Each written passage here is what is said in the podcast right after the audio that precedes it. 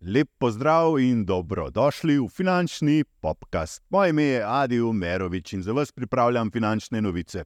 Vsak ponedeljek me lahko spremljate v informativni vdaji Svet na kanalu A, kjer vodim rubriko Finančni svet. Vsak torek lahko berete moje finančne komentarje na spletni strani 24ur.com in ob četrtkih objavljam in pripravljam finančne podkaste na temo investiranja.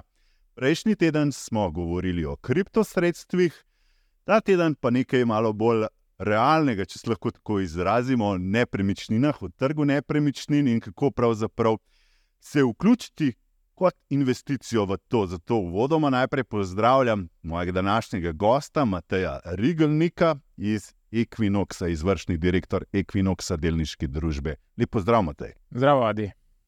Upam, da se lepo počutiš v našem studiu. Najlepša hvala za povabilo in um, z veseljem bom pokomentiral to, kar si napovedal. Ja, Equinox, mogoče najprej to, ko sem uh, googlal, kaj to sploh je. Ja. Uh, je v bistvu, ko je dan enak noč in to se štirikrat na leto zgodi. Uh, Odkje ta ideja, da se to zdaj poveže z nepremičninami? In... Mi smo dolgo časa razmišljali, kako to imenovati. E, predvsem je ta zgodba okoli Equinoxa napeljana tudi tako, da je tudi oznaka delnice EQNX, kar je ukrajšava za Equinox in je celotna spletna stran tudi postavljena na tej platformi. Skratka, pač neka enovita blagovna znamka na področju upravljanja in investiranja v nepremičnine. Ni neke posebej globe zgodbe, gre pač za nek marketinško-prodajni pristop, pač kako pozicionirati celotno podjetje, da bodo vlagatelji najlažje razumeli, zakaj se dejansko gre. Drugač pa je Equinox precej uporabljen tudi v tujini. Je kar nekaj fitnesov, teh premium fitnesov, sem videl, da je Equinox. Ne? Uh, tako da se širše uporablja ne samo za nepremičnine, zdelo se nam je pač primerno uh, tako ime in zato smo ga tudi uporabili. Matej, da mi še kaj o sebi povej. Ti imaš eno strast in ljubezen do financ. Uh, že zelo zgodaj si začel spremljati in borze, uh, bil si analitik tudi pri Ja. LB in mogoče malo povej nam svoj uvodoma, svojo zgodovino. Ja, name je zelo, um, bom rekel, če se vrnem res daleč nazaj, je zelo pozitiv, mislim, pozitivno, je zelo pomembno vplival ta film Wall Street. Prva, iz, to prvo. prva, prva izvedba, ne, Gordon Gecko. In vse to, uh, mene je ta pač finančni svet že kot uh, zelo mehanga ali pa kot otroka v bistvu zelo fasciniral in sem si vedno nekako želel delati v investicijskem bančništvu oziroma v vsem, kar je tako ali drugače povezano z naložbami. Uh, zato sem se potem uh, tudi odločil in šel po gimnaziji študirati na ekonomsko fakulteto. In se potem uh, leta 2008 zaposlil na Novi Ljubljanski banki v sektorju za upravljanje premoženja. In sem tam v bistvu 5-6 let, najprej kot upravljalec premoženja, potem pa kot vodja te poslovalnice, smo upravljali kar zajeten kup denarja. In je ta ljubezen v bistvu do investiranja denarja, oziroma do vsega, kar je povezano s tem, je, je ostala ne samo kot neka poklicna eh, nuja, eh, ampak tudi kot nek eh, oseben pristop k stvarem. ne. Jaz smatram neke urejene osebne finance, se bova več rekla o tem. Eh, Kot temelj, eh, kot temelj, eh, se pravi, kot neko osebno higieno, ne? se pravi, neurejene osebne finance lahko pač dolgoročno pripeljejo do strašansko negativnih učinkov. Verjamem, da bo veliko več povedalo v prihodnje. Skratka, ta ljubezen do financ in ljubezen do številk, ne, se ne samo do financ, ampak tudi do številk je ostala in to najraje na svetu delam in ne smatram tega niti kot poklic, ampak kot privilegij in hobi, da to lahko dejansko počnem. Veliko ljudi nima te možnosti, da si um, na tak način zbere da lahko uh, dela in počne nekaj kot jaz in uživa v tem, kar počne. Pa redno spremljaš, Sej to je kot nek intelektualni šport, pač, če si izpostavljam. ne. Ja. Spremljaš eh, trende, kaj se zdaj dogaja. Spremljam, sila rad, eh, sila rad. Jaz sem bil eh, primarno, sicer se nisem toliko ukvarjal z delniškimi naložbami v NLB, ampak primarno z obvezniškimi naložbami. Bova tudi povedala, kaj in kako je s temi obveznicami. Um, tako da generalno pa, pač spremljam vse. Aktualne novice. Aktualne novice, jasno. Aktualne novice, seveda je v tem svetu, kjer smo soočeni z, in bombardirani z vedno več informacijskimi viri, Mhm. je ključno ne da spremljaš vse, ampak da znaš iz tistega kar je ja, ja. bistvo, ne, se pravi iz, iz plevela, izlučiti Mhm. zrno. Ne. Mhm. To je po mojem temelj, tako da spremljam, da razumem stvari, um, oziroma da jih pač poskušam razumeti. Je pa res, seveda, ta igra, kot se rekel, intelektualna igra. Um, hitro prideš do tega, da hitro ugotoviš, da premalo veš, oziroma da ne veš dovolj, in da te stvari, ne glede na to, koliko to spremlja, še vedno presenetijo. Ja, Če pogledamo zadnje dve leti. Tudi, tudi te uh, gospodje, kot Warren Buffett, Charlie Munger, ki so že proti sto grejo, ne, pravijo, da se še vedno vsako leto kaj novega naučijo. Absolutno, in to je tudi prav pristop, ne, eh, tudi glede osebnih financ in, in, in vsega, pač, ne, da, da, da ti nekaj narediš in da se iz teh lastnih napak poskušaš eh, nekaj naučiti, ne da si eh, pristopaš k temu kot nek vladar in vse vedneš in investiraš in Mhm. morda narediš napake, iz katerih se potem nisi pripravljen naučiti. Tako da jaz mislim, da je to temeljno sporočilo pri investiranju, da seveda moramo tvegati in investirati, ampak da se moramo iz teh lastnih napak tudi kaj naučiti. Absolutno. Je pa mogoče za, za vodoma pogledati aktualne uh, finančne novice. Zdaj, uh, visoke obrestne mere ostajajo. V Grčiji se je ECB zbral in uh, so rekli, da ne bojo dvignili zdaj dodatno še obresti, ampak ostajajo higher for longer, se pravi, više dlje časa. Uh, inflacija ustraja. Ne? To je mogoče en, ena stvar, ki nas niti ne preseneča več. Ne? Ja, sej, mogoče sem si zato pripravil neko istočnico, da morda um, gledalcem in gledalkam seveda na nek čim bolj enostaven način poskušal razložiti, kaj pomeni obrestna mera Evropske centralne banke. a ne. Ta je trenutno Mhm. pri 4%, pri 4 odstotkih. Eh, Kaj to praktično pomeni za ljudi in kaj to praktično pomeni za prebivalce eh, evroobmočja, ne, kjer Mhm. pač ta obrestna mera velja.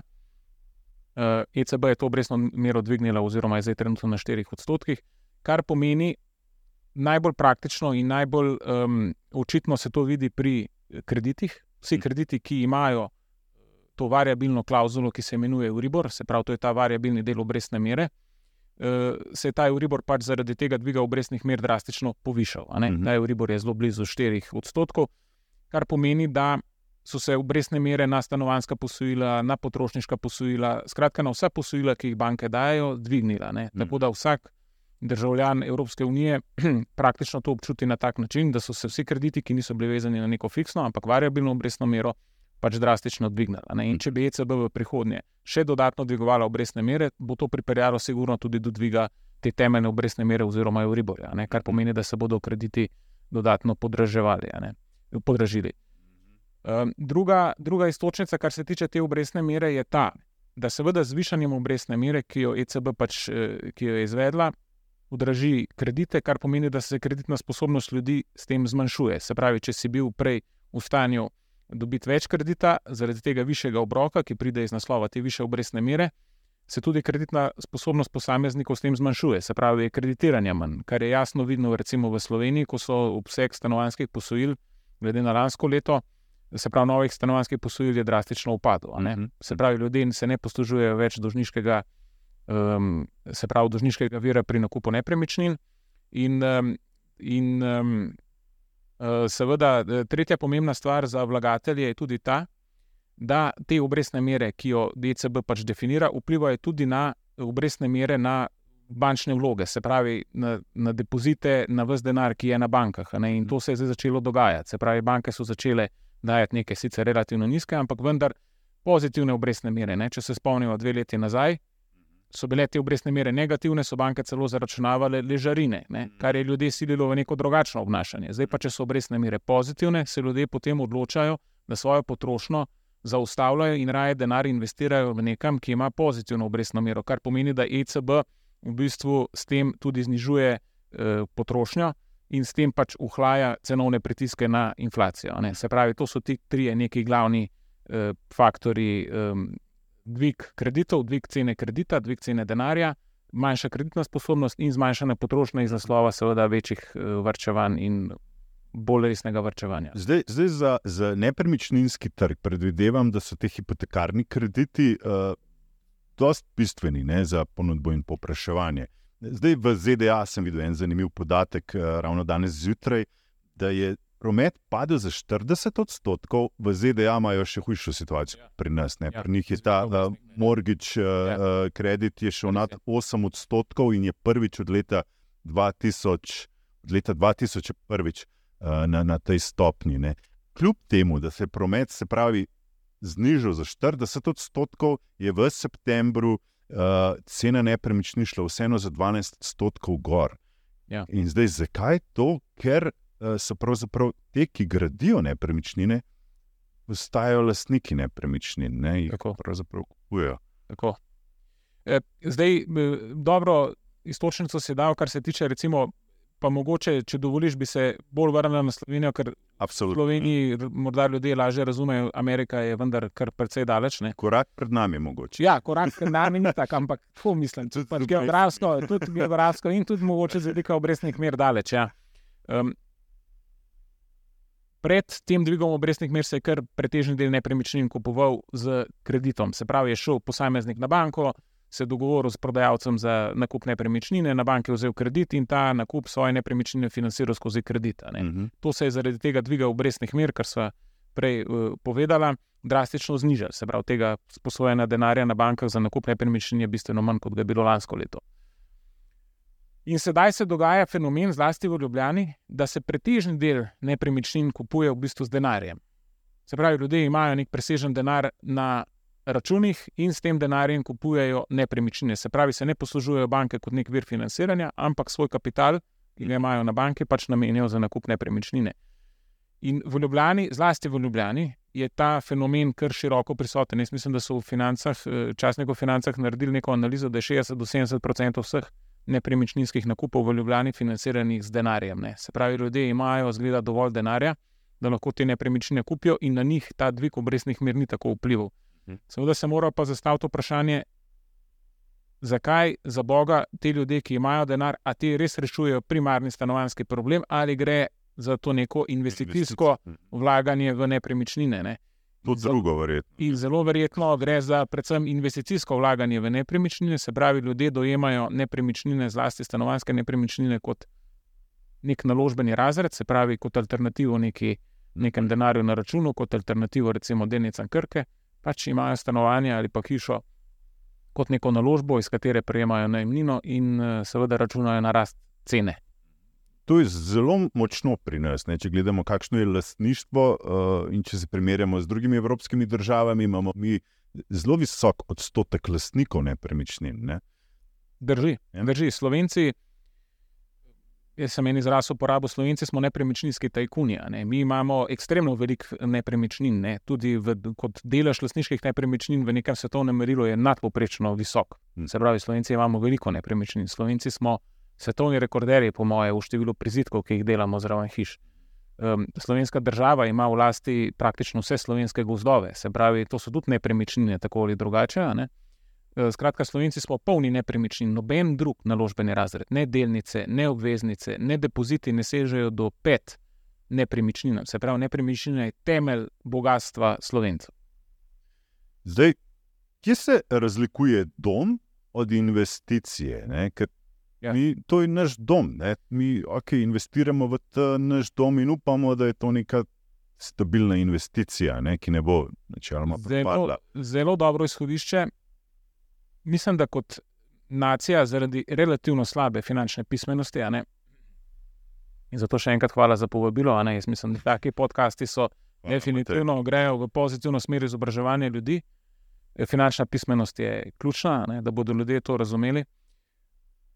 Če seveda investiraš ti v neko svojo nepremičnino, v kateri živiš, ne, to ni investicija kot taka, to je primarno luksus, v katerem živiš, ne, ker ta nepremičnina ti ne daje nobenega denarnega toka v smislu najemnine ali pa v smislu dividende ali pa v smislu obresti. Ne. Mhm. Ta nepremičnina je primarno eh, luksus in, in strošek, v katerem pač, eh, ki ga, tem, ko jo kupiš, pač preneseš na sebe, to pač moraš plačati. Ne.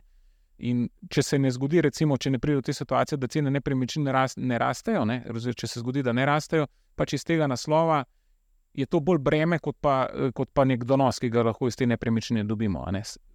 Tisto, ko sem pa pregovorila, se pravi, te, ki kupujejo drugo in tretjo nepremičnino, je pa to seveda investicijske narave, ker iz teh nepremičnin dobivajo nek tekoči donos v obliki najemnine in seveda računajo na apreciacijo, se pravi na dvig vrednosti te nepremičnine. Ne. Mhm. In večja kot je ta nepremičnina, ki jo uporabljamo za dom, večja je tudi obveznost do te nepremičnine, ker ne smemo pozabiti. Nepremičnina, kuhna, ki jo, ki jo bova zdaj dala v novo nepremičnino, ko so jo kupila, bo čez deset let stara. Mhm. Ne? Parket se bo obrabil, ker ga bo pes ali pa otrok eh, popraskal. Mhm. Eh, Tudi cevi bodo postale stare. Se pravi, pri večji nepremičnini in pri dražji nepremičnini le ta zahteva tudi večja investicijska vlaganja v prihodnje. ne. Mhm. In če je to primarna nepremičnina, v kateri živimo, to dodatno povečuje izdatke v prihodnje. In zato je ta velika obsesija slovencev z nepremičninami dvorezen meč. Eh, na eni strani, ker so te cene nepremičnin drastično zrasle, imamo občutek, da imamo več premoženja, ampak če se pa to obrne, je pa to lahko, in to smo videli v letih 2008 do 2014, se pravi, so cene nepremičnin kar precej padle, se lahko pa to obrne tudi v popolnoma drugo smer. Ne. In je treba še enkrat zelo dobro se izpostaviti, ločiti med stanovansko nepremičnino, v kateri živimo, in neko investicijo, ki jo mi delamo. Stanovanska nepremičnina, v kateri živimo, ni investicija. Uh, dva milijona nas je, ne? ne bo nas tri milijone čez deset let, uh, pa čez dvajset let. No, neki politiki so imeli idejo, da nas bi bilo tri. Zdaj jih sicer ni več v politiki, ampak če, verjetno ne. Če realno gledamo, verjetno da nas ne bo. Ne? Uh, ja. šte, to število nepremičnin pa še kar narašča. Ja. Vsako leto več gradimo. Ja. Uh, takem bi verjetno na neki točki bilo popraševanja, mislim, ponudbe več od popraševanja in bi se cena morala nižati. Ja, to je ta prodajna zgodba celotne nepremičninske srednje v Sloveniji. Se pravi, da mi gradimo, oziroma da mi utemeljujemo to rast cen nepremičnin z nekimi demografskimi faktorji. Ne? Ja. Se pravi, da nas je več, da ne vem, kaj že ne. In flow ljudi prihaja. Da... In jaz sem gledal, jaz sem gledal statistiko v Sloveniji, 2 milijona ljudi že zadnjih, mislim, da 20 let, in v Ljubljani je 300 tisoč ljudi že približno, ne zadnjih, Ja. ne vem koliko let. Mm. Skratka, ta demografski razlog za rast definitivno ni pr- pravilen razlog za rast. Se pravi, s tem ne moremo pojasniti, ker nas kot naroda ni več.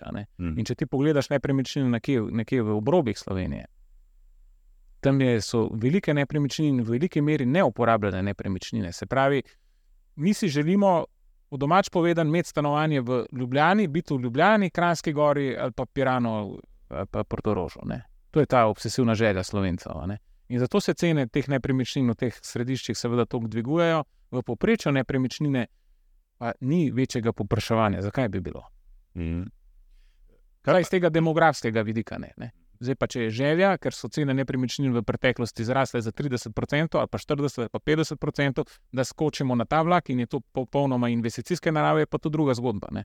Mhm. Se pravi, če en ne kupuje enega stanovanja, pa kupuje že 15 stanovanje, je seveda on tudi udeleženec na trgu, ki poriva te cene nepremičnin gor. Zdaj, na tej točki se moramo mogoče dotakniti tudi tega davka za nepremičnine. Tvoje mnenje, mogoče me zanima. Uh, se ti zdi, da bi ta regulacija uh, znala ravno to ne, omejiti ne, nekomu, da, da kupuje po 15 plus stanovanj? Ja. Zdaj, jaz sem kot nek liberalno usmerjen človek, relativno zadržan do državne intervencije na splošno, tudi glede davkov na splošno, to moram najprej povedati. Ne.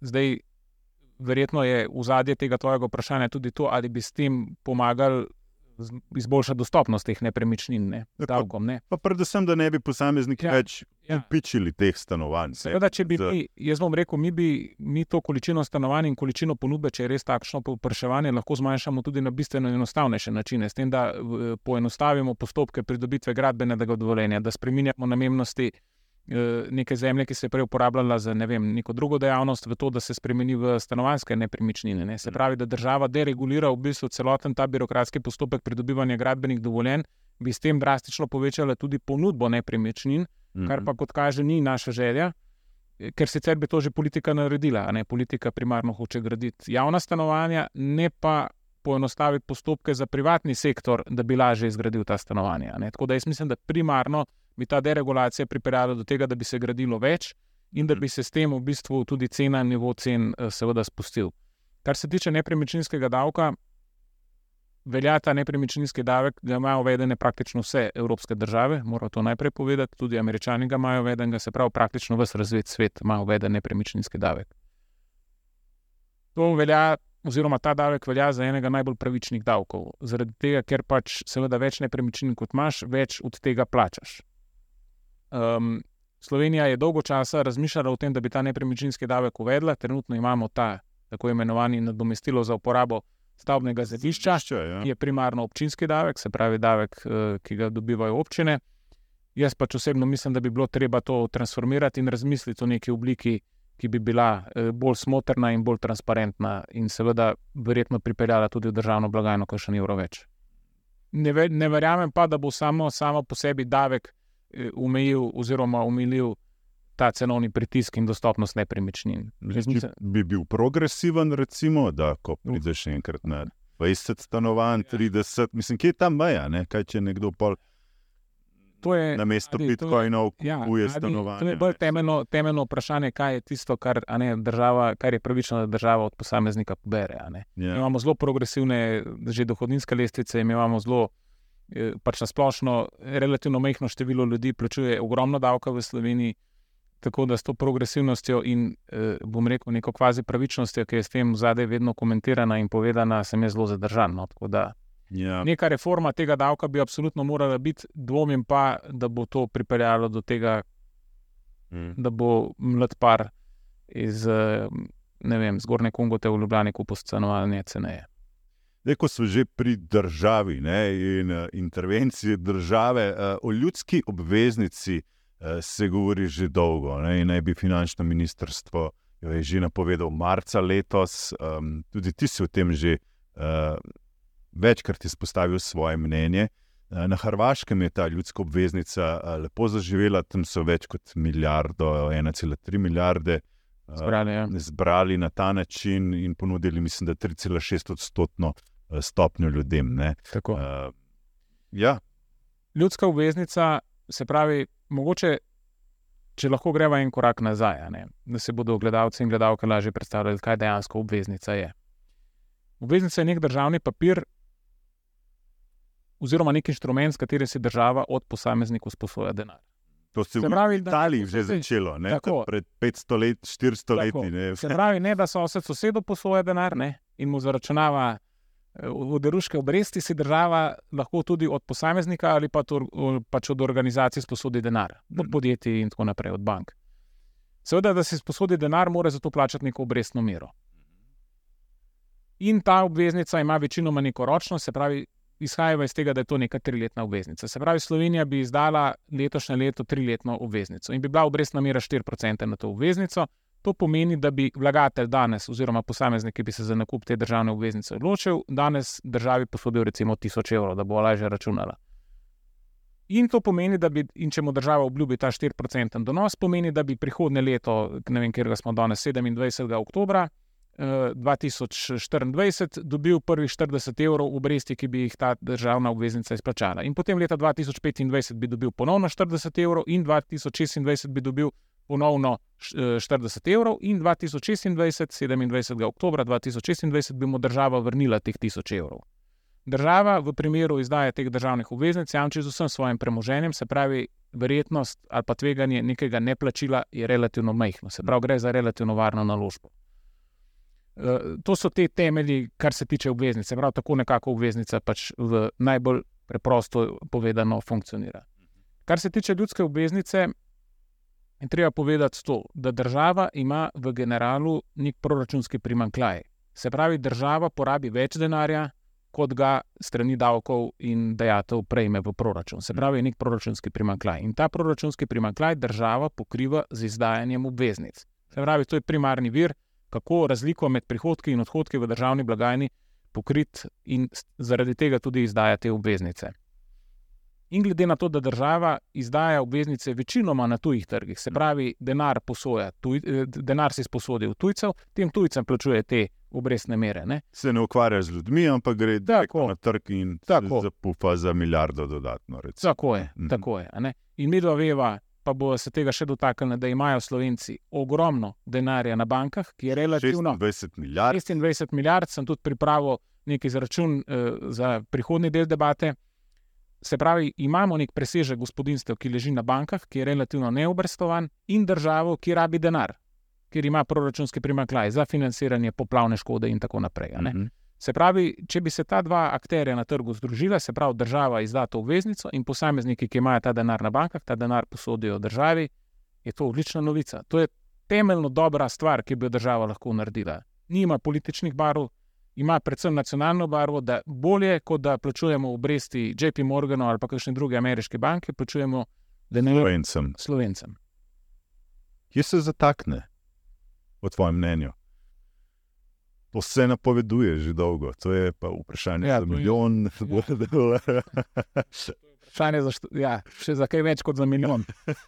Iskreno, iskreno ne vem. Jaz mislim, da je to v nekem uh, domovinskem ali pa nacionalnem interesu, da to naredimo, uh, ker s tem ne samo, uh, bom rekel, ljudem omogočimo, nek, ali pa država omogoči nek uh, zaslužek in neko obrestno mero, ampak s tem spodbujamo tudi neko finančno upismenjevanje ljudi, s tem spodbujamo nek drug razmislek ljudi, kaj se splača in kaj je morda še neka alternativa tem obstoječim načinom ki jih ljudje pač uporabljajo za investiranje tega denarja. Tudi za slovenski kapitalski trg je to dobro. Skratka, ne vidim Tako. stvari, ki bi bila negativna, vidim samo pozitivne stvari. Tako da, če lahko še enkrat izrazim to svoje stališče, tukaj jasno, vse, ki bodo morda iz tudi političnih stran gledali, absolutno naredite ta projekt. Ja, ker v bistvu inflacija uh, požira ta denar in že na tak način bi si ljudje, ki imajo neke prihranke, lahko zaščitili to. Ampak pa, pazi zdaj to. Ne.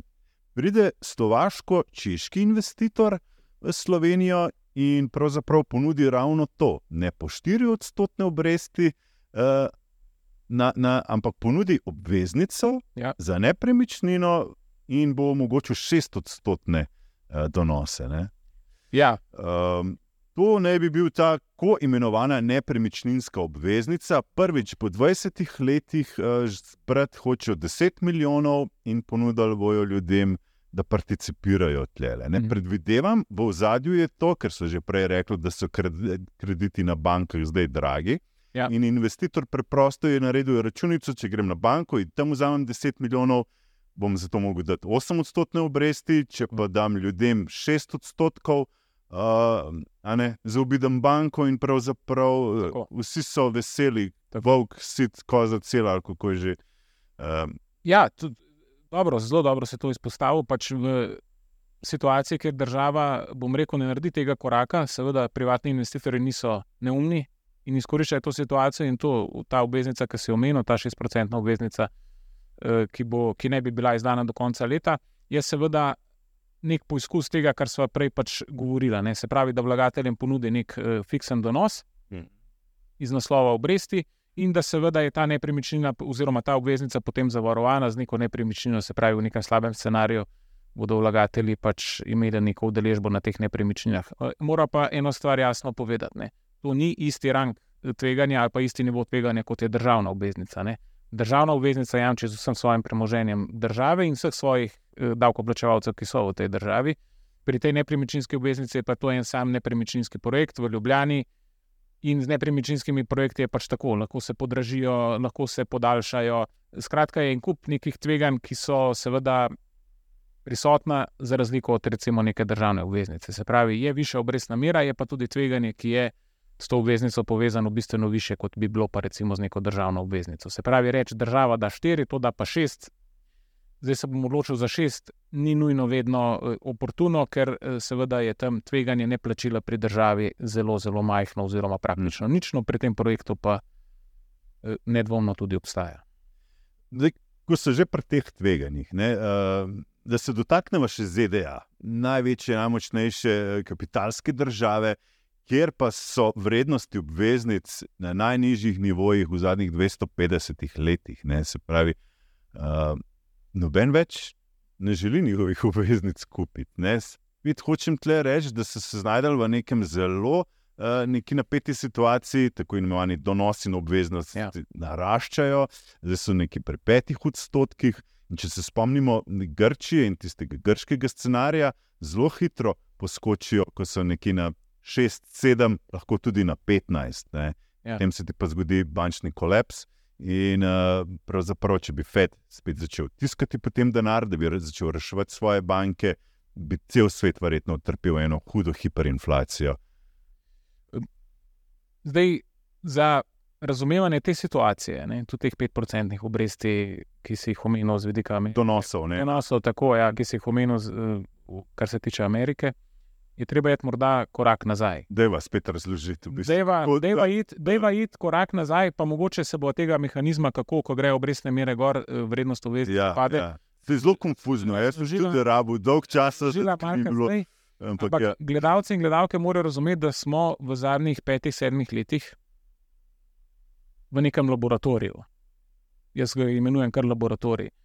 Ker intervencija držav v nek tržni mehanizem, se pravi v tržno gospodarstvo, bodi si strani centralne banke, bodi si strani države kot take, z vidika nekega trošenja in potrošnja denarja, je dosto unikatna v zgodovini človeštva. Se pravi, mi smo natiskali v zadnjih eh, dveh, treh letih 70% eh, vsega denarja celotne zgodovine človeštva. Ne?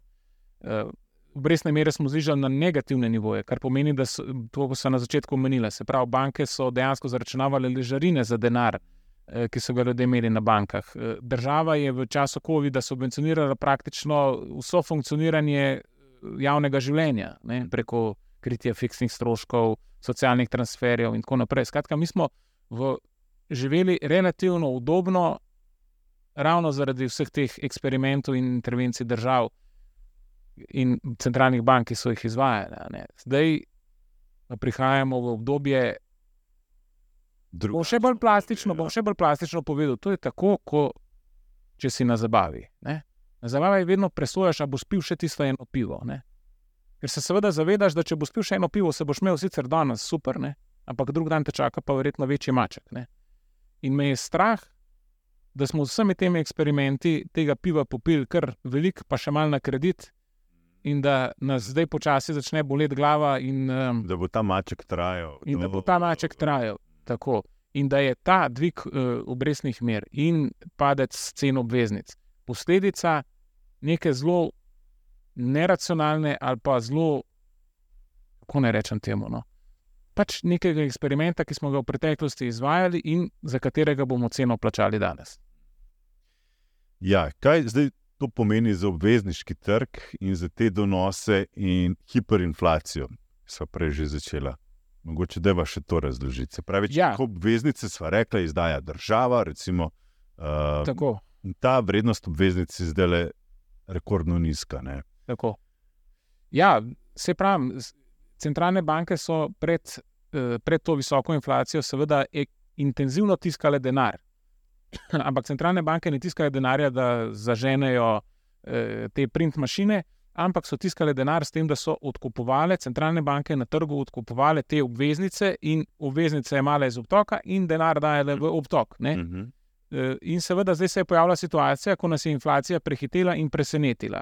In zdaj morajo te iste centralne banke, predvsem to FED dela, se pravi Ameriška centralna banka, te obveznice postopno prodajati, ki so jih prej kupile, in seveda s tem povečuje količino obveznic na trgu. Zdaj pa, če ti povečuješ količino obveznic na trgu, povpraševanje po obveznicah eh, je pa isto, cena obveznice potem pade. Ne? In to je glavni razlog. Zdaj, v hiperinflaciji jaz se to ne bi upal uh, uh, govoriti, ker te stopne so sicer nadpoprečno visoke, te inflacije 10-11%, ki je bila, ni pa še to hiperinflacija, ni še to hiperinflacija nekega jugoslovanskega tipa ko se je podražil v enem mesecu za 1000%, vse ne. Se pravi, smo mm. še daleč od tega, je pa res, da smo to tveganje in nasplošno ta inflacijski problem, seveda, zelo podcenjevali. Pa mogoče, pa mogoče pogledajmo še eno, eno zadevo. Ne. Se pravi, ljudje zelo težko razumemo. Ali pa ločimo neko nominalno donosnost in realno donosnost, oziroma nominalno vrednost in realno vrednost. Ne? Mhm. In jaz sem si pripravil en primer, kako Na svojem primeru sem to naredil. Se pravi, kakšna je razlika med nominalno in realno? Zgodila se nam je inflacija, ta inflacija je bila kumulativno vem, med 20 in 30 odstotki od leta 2020 naprej. In zdaj, če pogledamo, je sila RTM uh, eh, pica Burek pri Olimpiji. Okay. Ta pica Burek se je iz 2 evra podražil na 3 evre. In recimo, če sem jaz imel plače prej 1000 eh, evrov, sem lahko kupil za 2 evra 500 burekov. Ne? In zdaj se je ta plača, plače so se dvignile, recimo, in so se plače dvignile za 10%. Se pravi, imam zdaj 1100 evrov, ampak s 1100 evri ne morem več kupiti uh, eh, 500 burekov, ampak jih lahko kupim samo še 350. Ne glede na to, da se mi je plača povišala, so se potrebščine vsakdanje in tako naprej pač podražile več, kar pomeni, da sem jaz izgubil realno kupno moč. In to se dogaja. Ne? Inflacija v bistvu načenja našo realno vrednost premoženja. Plače, hiše, avta in vsega tega, ker seveda je kupna moč denarja vedno, vedno manjša. In slovenci smo, glede na velike količine denarja, ki ga imamo v obtoku, eh, ki ga imamo na bankah, se upravičujem, izgubili ogromno denarja, ne? 5 milijard 20%, crka od 26 milijard, crka 5 milijard smo izgubili. Mislim, da sem si pripravil, to je. Ja. Da smo izgubili, vsak slovenec je izgubil več kot 800 pica burekov pri Olimpiji. Ne? To je veliko denarja, ne? veliko. Veliko. V, v, v neki eh, stvari, ki jo jaz jo, ne vem, Ja. trikrat na teden. Ne. Vse, ker se ne vidi, ta denar je še vedno napisan na tvojem bančnem računu. Tako. Še vedno si tam, Tako. ampak ta kupna moč je pa Tako. ta nevidni sovražnik, ki, ki, Tako je. ki ga občutimo. Ne? Se hrana je če dalje manj dostopna v trgovinah. To mnogi občutijo, ne? da si gledajo cene, izbirajo, ampak eh, to je točno to, ta kupna moč močno. In ta mehanizem, in ta mehanizem ne, da ga ljudje dojamejo, traja bistveno dalj časa. Ne. Se pravi, ta realna depreciacija premoženja, realna depreciacija ja. plače in tako naprej, postopno. Ne. Ker to niso neke skokovite stvari. Ne. To se sicer Ja, ja. postopno, vsak procent po procent, ampak ta obrestno-obrestni račun in vse skupaj, kar je s tem povezano, pač deluje. Ne. In Slovenci, in nasplošno pač Evropejci, in vse razvite države, ki imajo visoko inflacijo, je v bistvu zelo načeta kupna moč, eh, ali pa se vedno bolj načenja kupna moč prebivalstva. Mm. Tako da je zelo pomembno, da posameznik sprejema neke racionalne odločitve, kar se tiče investiranja denarja. Ne. Se pravi, če imaš ti denar na banki, inflacija je 10%, pomeni, da je ta denar, ki ga imaš na banki, drugo leto 10% manj vreden. Ljudje mislijo, ne, če bom pa kupil nepremičnino, ne bo pa moj denar zdaj zaščiten, ne, tle pa vrednost ne bo padla. Ampak spet, če bi tudi nepremičnina imela nek uh, števec skoraj ne, in bi mi vse čas gledali, koliko je zdaj ta nepremičnina vredna, ne, en dan 10 odstotkov več, čez pride ne vem, COVID, pa se ti zasuje za 50 odstotkov več, a bi v Ja. tistem trenutku hotel kar tako je prodati ja. svojo nepremičnino, ja, verjetno ne. Ne, res je. Pa tudi, pa tudi nepremičnina kot ščit pred neko inflacijo. Zdaj, če pogledamo letošnje leto, Gurs je ravno objavil podatke za prvo polletje letošnjega ja. leta, eh, kar se tiče transakcij in kar se tiče pač cen nepremičnin, je ugotovil, da cene nepremičnin v povprečju padajo ne, v Sloveniji, glede na lansko leto. Inflacija pa še vedno je. Se pravi, tudi nepremičnina ni svet igral ščitenja pred inflacijo. Ne. ne bo nas odrešilo tega, da bomo izgubljali k- kupno moč. ne. Ni nujno, da nas bo. No, tako.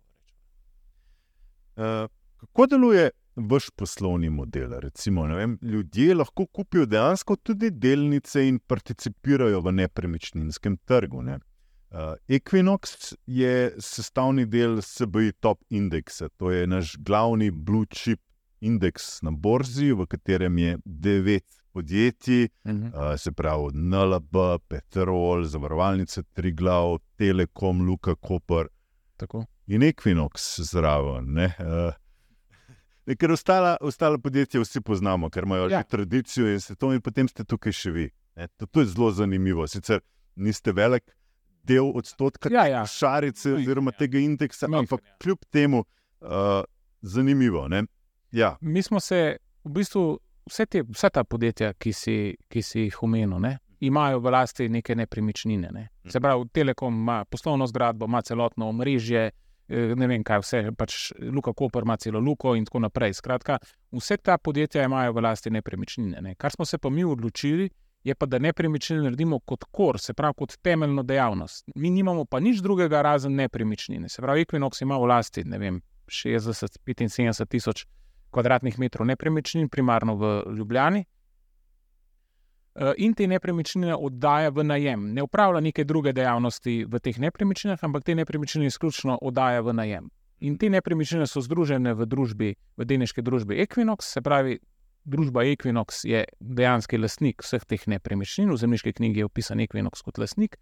In glede na to, da Equinox nima praktično nima nobenega drugega premoženja kot nepremičnine, je posameznik, ki se odloči za nakup delnice Equinoxa, dejansko ekonomski lastnik teh nepremičnin in vsega, kar izhaja iz teh nepremičnin. Se pravi, v zemljiški knjigi ni upisan Janez Novak, je upisan še vedno Equinox, je pa Janez Novak upisan v delniški knjigi Equinoxa, se pravi, je lastnik delnice Equinoxa in Equinox je lastnik nepremičnin. Se pravi, gre za nek um, zahodno orientiran ali pa mednarodni poslovni model, v tujini so te nepremičninske družbe zelo prisotne. In se je ta poslovni model, kot specializiran poslovni model, eh, zelo etabliral, se pravi, veliko teh družb, in mi smo nekako kopirali ali pa kopirali in izboljšali nek poslovni model iz tujine. in ga predstavili slovenskemu vlagatelju, in s tem uvrstili tudi delnice na borzo, in se in postali člani tega najemenitnejšega uh, oziroma cveta slovenskih delnic, uh, kot se je rekel, SBI. Top. Tako, dobili ste tudi nagrado za, za bistvu, najboljšo delnico. Ne? Ja, mi se, mi, se, mi, se trudimo, mi se zelo trudimo na nek enostaven, se, če bojo vlagatelji ali pa potencijalni vlagatelji tudi pogledali naša polletna poročila, kvartalna poročila, mi kvartalno objavljamo naše rezultate. Poskušamo na čim bolj enostaven način vlagateljem predstaviti, kako to poslovanje nepremičnin pač funkcionira. Ne? In če ga mogoče lahko samo v eni minutki razložim, se pravi, Equinox ima v lasti te nepremičnine, nepremičnine oddaja v najem, te, za te nepremičnine, ki so oddane na najem, prejme najemnino, ima neke stroške s svojim poslovanjem in ta denar, ki ustane, v veliki meri potem nameni eh, nekaj, seveda, za investicije v same nepremičnine, v stari del pa izplača v obliki dividende. Se pravi, je dosti transparenten in enostaven poslovni model. To je tako, kot bi posameznik kupil stanovanje, to stanovanje oddal v najem. Uh, In prejemal za to najemnine, v primeru Equinoxa ne dobiš najemnine, dobiš pa dividend.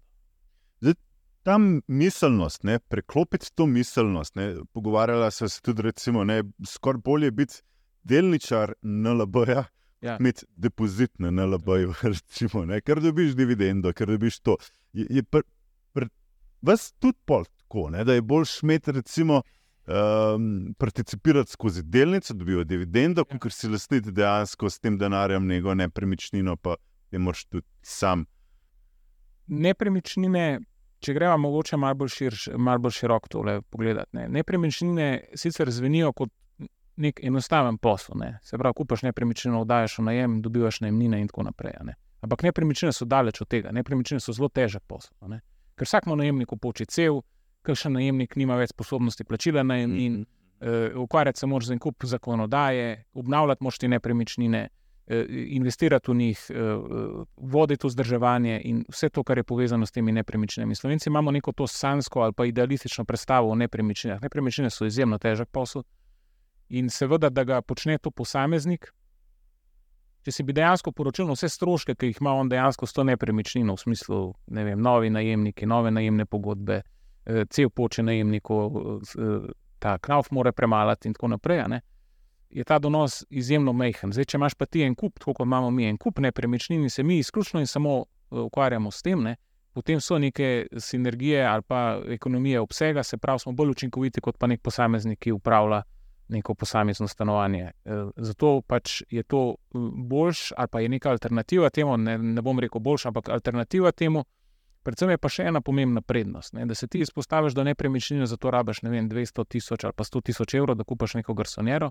Delnice Equinoxa pa ne vem, kakšna je zadnja borzna cena, ampak recimo okoli 50 evrov, se pravi, lahko tudi en mehen, mehen del svojega premoženja naložiš v delnico, ki ima v lasti pač te nepremičnine. Se pravi, se ne rabiš pretežnim delom svojega premoženja izpostavljati um, ne, do nepremičnine.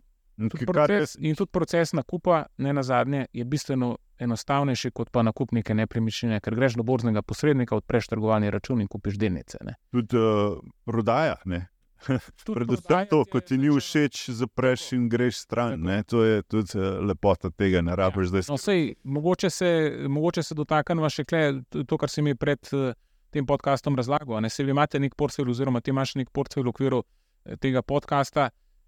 Tako. Koliko enostavno je menjati delnice oziroma posamezne pozicije v nekem portfelju, ki ga imaš? Oziroma, koliko je te birokracije Ko se kaj spremeni, uh, ko je tako, lahko hitro to zamenjaš. Ja? No, ampak kakšen časovni okvir, recimo? Uh, da, da bi mi zdaj Ja, zamenjali. recimo. Ja, ne vem, zdaj le konkretno, recimo Louis Vuitton, ne LVMH, če Ja. bi padel pod eh, vem, 650, bi Ja. zaprl pozicijo. Isto Alibaba, če bi recimo, ki jo imamo, Ja. eh, je zdaj na 80, ja, jaz mislim, če bi padla. Še nižje bi jo dokupili, no ne bi zapirali pozicije. No, ampak ta a- ali pa prodaja bi bila vprašanje desetih sekund. A ja, to misliš? Ja. Ja, ja to je dva klika. Ne? No, zdaj si pa predstavljaj, da bi ti moral, da bi kupil eno stanovanje v Mariboru, eno pa v Piranu. Ne? Bi se kar matral, da bi Vse, ja. na mesto, da bi v Mariboru in Piranu prodal, kupil potem stanovanje Ja, ja, v recimo Krajinski gori. Ne? Kar procedura. Pa okoliščine se lahko hitro spremenijo. Veda. Zdaj, tle bi se dotaknil tudi tega, ker, ker je v, v, recimo, sploh v, v razvitih državah, odkar je to delo od doma Ja. nastopilo, se veliko govori tudi, kaj bo s tem uh, commercial real estate, ne, se Tako. pravi komercialnimi nepremičninami, ne, ker preprosto ljudje so od doma, pisarne so prazne, v mestih, uh, mesta duhov, nekako postajajo zaradi tega. Ja. In se strinjam. Kaj, kaj Mogoče še eno izhodišče, ki si ga na začetku omenil, ne, nepremičninski davek in, ja. in cene nepremičnin. Ne. Zdaj, v Sloveniji imamo ogromno nekih pisarniških zgradb, ne. zlasti Ljubljana, tudi Maribor in vse ta središča imajo veliko nekih pisarniških zgradb. In zaradi tega spremembe poslovnega modela, ker se ljudje pač ne hodijo več v službo vsak dan, ampak samo občasno, je nek presežek teh poslovnih nepremičnin. Mm. In če, če bi bili zelo pragmatični in si želeli, da se ta situacija na stanovanskem trgu nepremičnin uredi, je tudi neka zelo enostavna oblika spremembe namembnosti pisarne v stanovansko nepremičnino. Se pravi, če bi zakonodajalec ta postopek nekoliko poenostavil, bi se hitro pisarne začele spremenjati v stanovanske nepremičnine in bi tudi iz naslova tega dobili nov fond stanovanskih nepremičnin. Ne? In tudi o tem jaz mislim, da mora politika razmisliti. Nemci so, ko so sprejeli nov gradbeni zakon, seveda kot eno temeljnih stvari, ker se zavedajo te problematike pisarniških zgradb dolgoročno, so uvedli tudi nek poenostavljen postopek za spremembo pisarn v stanovanja. Ne. Tako da sta, pisarne so absolutno na udaru, vendar, če bomo pragmatično razmišljali, če bomo sprejemali pragmatične odločitve v Sloveniji, se lahko to hitro spremeni v neko širšo dobrobit. Se pravi, ne bojo te hiške ali pa poslovne zgradbe samevale, ampak se lahko spremenijo v neka relativno poceni namestitev uh, za posameznike. Dolgoročno gledano, mislim, da se bo ta trg zelo spremenil ravno zaradi vseh teh virtualnih aplikacij. Uh, Absolutno. Če dalje bolj zaprti v svoje sobe in iz svoje Absolutno. sobe v bistvu upravljali. Absolutno. Je res, da je ta delo od doma primarno ali pa v največji meri fenomen Združenih držav Amerike. Tam se ja. največ tega poslužuje, ampak tudi v Evropi se. Zdaj, koliko hitro bo prišlo do tega drastičnega preobrata, na tem ne znam povedati, ker se stvari včasih vseeno premikajo počasneje, kot si mislimo. Definitivno je pa to segment, eh, ki smo mi tudi zelo previdni z vidika investiranja. Ne, ne bi se zdaj spuščali pa kupovali še neke nove pisarniške. Zdaj predvidevam, da bo tudi na občinah, ker ljudje niti noče več čakati zdaj eh, na ja. občinah, ja. se hoče že prej zmeniti, če se da. Če se bo dalo, tudi zdravniku ne bi več šel, vse bi od doma počel. In to jaz mislim, da bo tudi realno in bo Absolutno. Vse v Ameriki se to živi. So cene komercialnih oziroma teh poslovnih nepremičnin že precej upadle, tudi v, v Veliki Britaniji so upadle, tako da ta fenomen eh, se globalno pojavlja. V Sloveniji je to relativno nepomemben trg, pa ga je relativno malo, zato mogoče tega ne opazimo. Je pa še enkrat odlična priložnost, da se eh, naredi prijetno s koristnim in da se te zgradbe spremeni in imeli bomo super eh, nepremičnine, stanovanske. Ja, za zaključek, ne, um, obstaja nek nepremičninski portfelj, ne, kako ga graditi, kako se lotiti tega. Ja, tukaj moram še enkrat povedati, da nepremičnine so zelo težak posel, ne glede na to, da deluje eh, dosta enostavno, pa seksi, bom rekel, so težak posel. Druga zadeva, večinoma se posamični investitorji oziroma privatni investitorji za nepremičnine odločajo ne toliko na neki racionalni osnovi, ampak primarno na neki iracionalni osnovi, se pravi, neki čustveni osnovi. In to je pri investiranju denarja na splošno velik problem. Pri, pri denarju moramo biti zelo racionalni do denarja in do nas samih.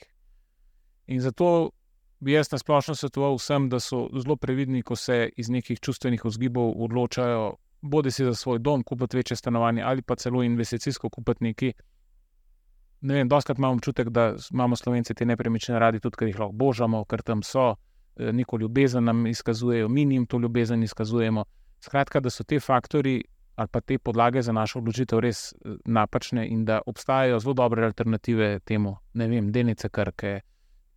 Veliko, veliko stvari je, ki so zelo blizu, ki so bistveno bolj enostavne za nakup in ki so bistveno bolj enostavne tudi za dolgoročno vzdrževanje. Ker predstavljate si, Eh, če kupite vi delnico Krk, če kupite vi nepremično, se morate s to nepremično sami ukvarjati. Ne? Če vi kupite delnice Krko, recimo delnice Krke, ne? se Jože Colarič ukvarja z vaše, premo, vaše premoženjem. Ne? On upravlja, ne?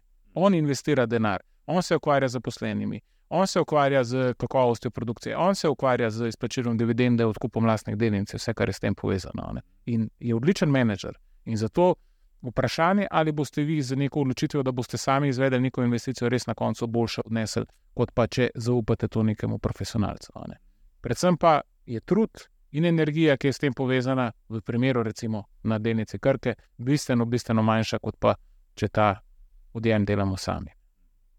Super, Matej, hvala lepa uh, za vse te zanimive tematike, ki ste jih obdelali. Mava še, seveda, um, stvari, ki jih nismo izpostavili, predvsem o finančnem opismenjevanju, o izobraževanju, ki učiti, kako se lotiti spoh investiranja. Tako da bi te še rad imel uh, za gosta, tudi v prihajajoči, upam, da se boš odzval na vabilo. Um, Ja, najlepša hvala še enkrat za povabilo. Kot sem rekel, zelo uh, podpiramo in podpiram uh, vse te poskuse, ne poskuse, tudi dejanske izvedbe tega, da bomo vsi razumeli stvari boljše, ker če jih bomo razumeli boljše in se bomo bolj odločali, bo tudi nam, kot naciji in narodu, šlo boljše. Zato je ja, to absolutno dobro in absolutno pozitivno. Da, hvala en, še enkrat za to. To je namen, da delamo čim boljše odločitve predvsem vi, spoštovani gledalci, poslušalci, eh, da se dobro odločite. Zato nas spremljate še naprej, vsak ponedeljek v informativni oddaji. Berite tudi naše komentarje na 24.com in ob četrtkih. Vas bom tu pričakal z zanimivimi gosti v finančnem podkastu. Najlepša hvala za pozornost, hvala tudi tebi, Matej. Hvala. Lep pozdrav. Lep pozdrav. Tu, tu, tič. perform and